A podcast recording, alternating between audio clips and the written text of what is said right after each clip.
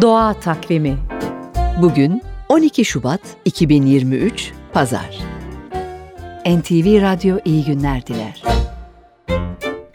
Akasya ağaçlarıyla zürafaların yaşam savaşı, bilim dünyasının heyecanlı keşiflerinden.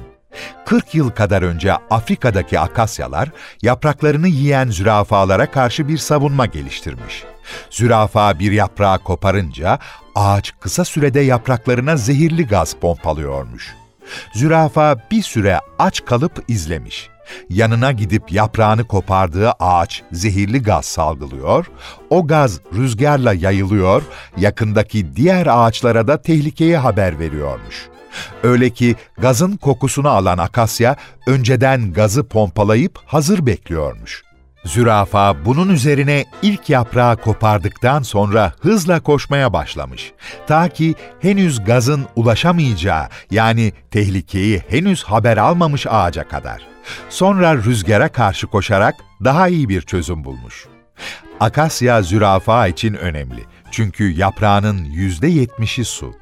Zürafa bir yaprağıyla hem doyuyor hem susuzluğunu gideriyor ve su içmek için dereye eğilmek zorunda kalmıyor. Çünkü zürafanın en savunmasız olduğu durum eğilip dereden su içmek ve tehlikeye açık olmak. Doğa Takvimi